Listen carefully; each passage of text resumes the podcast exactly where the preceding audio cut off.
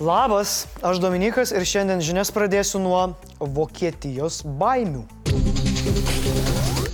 Teroristų ir prievartautojų armija per praėjusią parą į Hersono sritį paleido daugiau kaip 600 sviedinių, 109 kartus apšaudė regioną iš minosvaidžių, artilerijos, grat sistemų bei kitaip niokojo gyvenamosius kvartalus ar civilinę infrastruktūrą.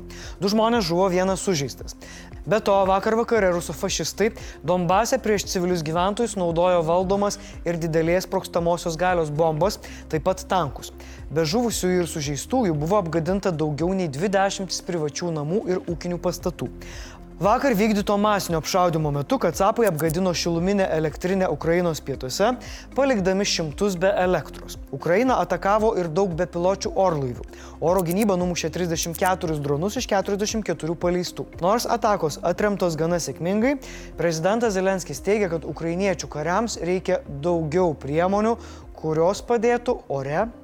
Нашим воїнам потрібно більше інструментів, щоб знищувати і російські ракети, і шахеди та інші ударні дрони, і російську авіацію.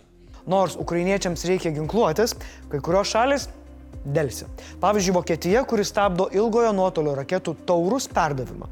Teigiama, kad perdavus taurus reikės ir vokiečių specialistų, kurie turėtų būti dislokuoti Ukrainoje. Šolcas baiminasi, kad tai gali pastumėti Berliną į tiesioginę konfrontaciją su Rusija. Kancleris reikalauja raketas modifikuoti taip, kad jomis būtų neįmanoma smogti Rusijos teritorijai. Įdomu, ar įmanoma modifikuoti vokiečių galvas taip, kad suprastų, ką reikštų Ukrainos pralaimėjimas. Kalbant apie pozityvesnius dalykus, Ukrainos pajėgos nežymiai pasistumėjo į priekį netoli Bakhmuto ir vakarinėje Zaporižios srityje. Šiaurinėme flange ukrainiečiai sėkmingai ginasi ir pereidinėja į kontratakas. Pietinėme intensyvina lokalius polimus.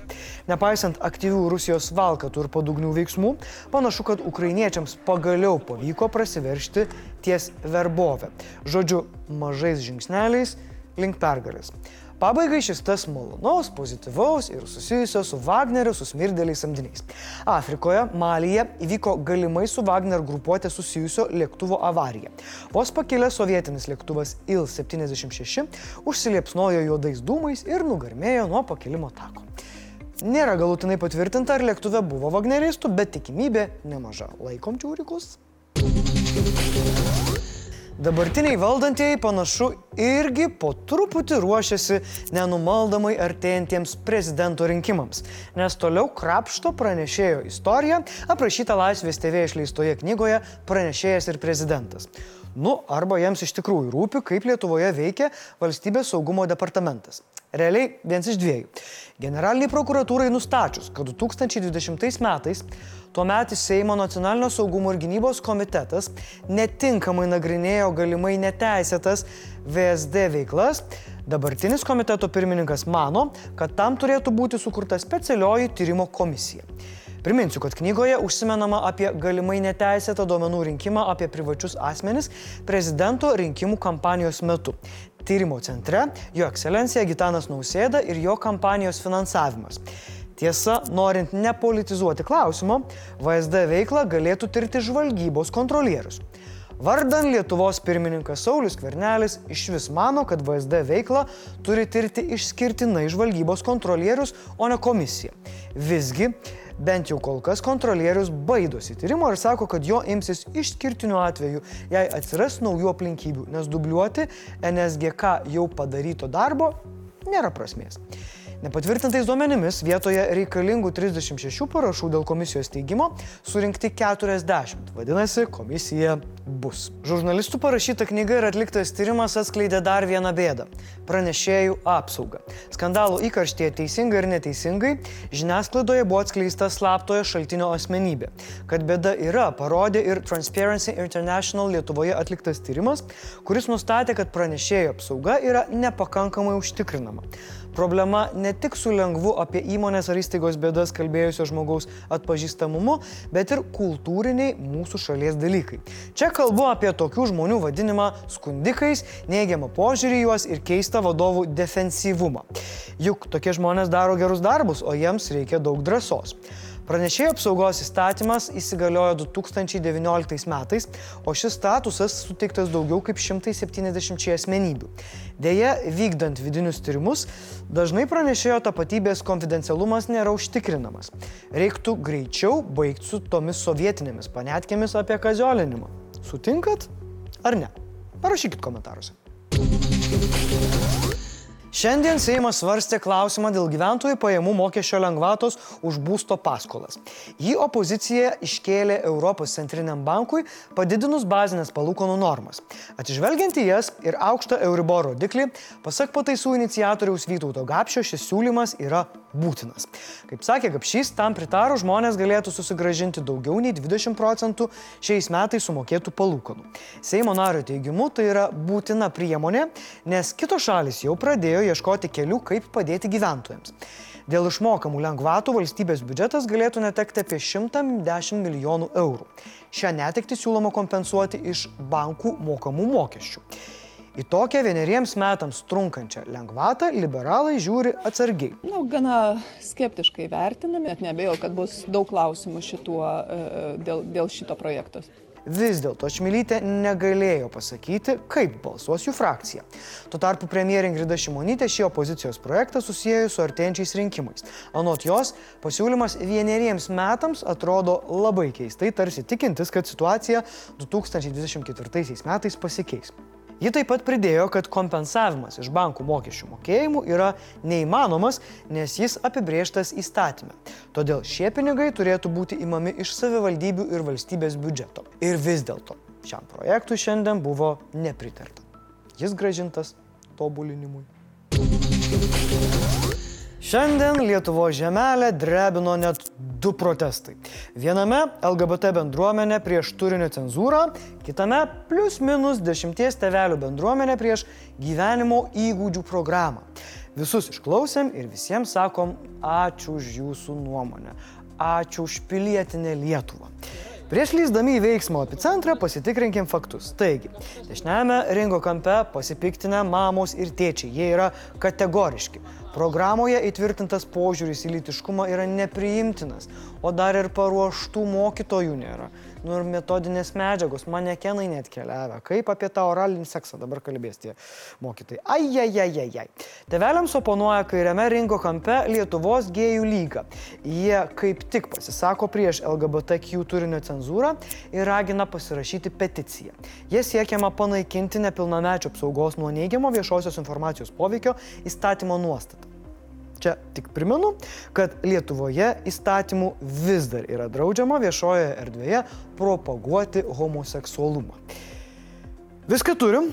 Dabar galim pasižiūrėti, kas vyko protestuose ir ką kalbėjo ten esantis. Aš jau bent jau esu daug skaičius, kad yra kelios, keliose šalyse ar ten kažkokiai valstybėje, dabar neprisimenu Amerikoje, kaip yra įteisinta pedofilija. Sužinojom dar ir tai, kad LGBT bendruomenėje atsidūrė tie, kurios vaikystėje tvirkino ir manipuliavo. Taip pat pasirodo yra bažnyčia, kurioje galima išsigydyti nuo homoseksualumo. Bet yra būtina suvokti savo tragizmą.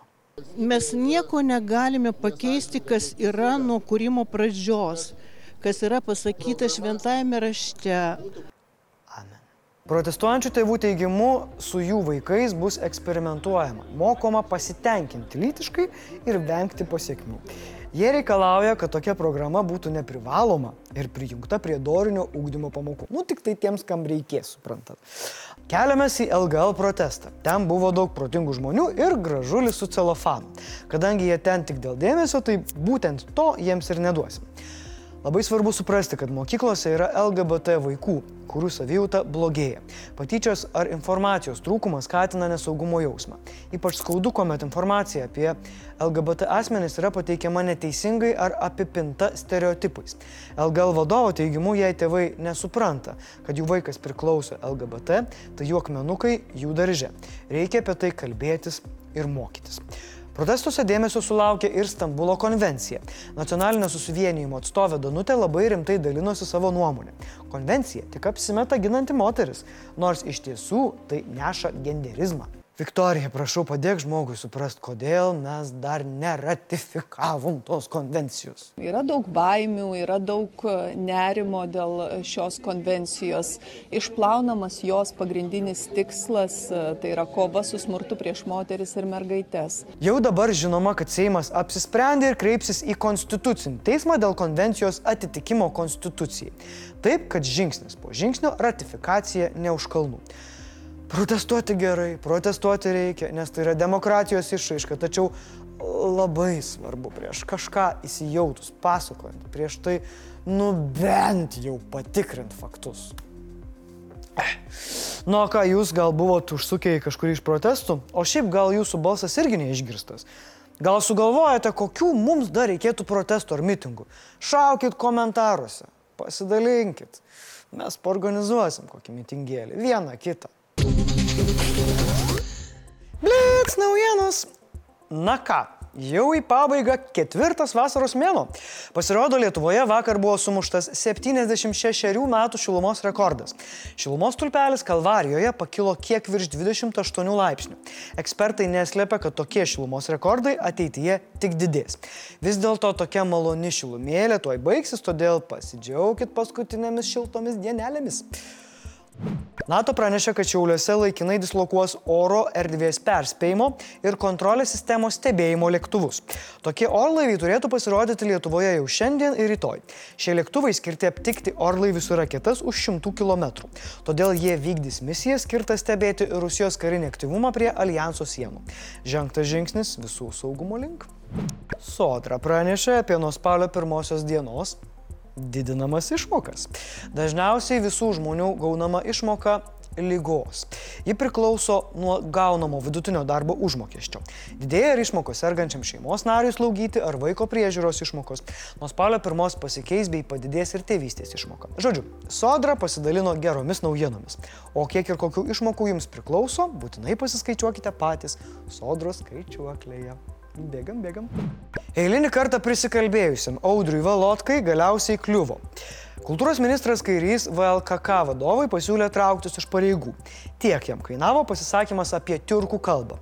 Vis dėlto Valotka toks tikras, kad kalbėjo apie tiurkus, kad jam pasiūlymas trauktis pro vieną ausį ėjo, pro kitą išėjo.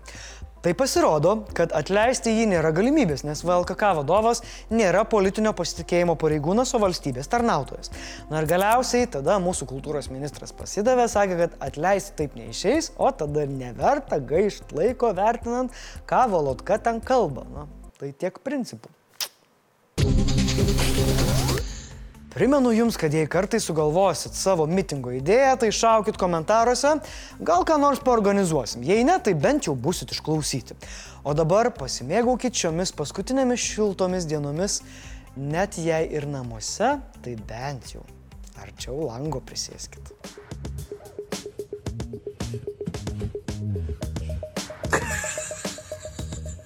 Komentarų metas. Ir kaip galėčiau nepastebėti, tuo labiau neatsakyti ačiū mylučiai, pabiručiai, mylutės, pabirutės už gimtadienio sveikinimus. Lai ateinantys metai prabėga taip linksmai ir greitai, kaip blitz naujienos, link man Jonas. Ačiū Jonai. Tai ačiū, tiek žinių, iki.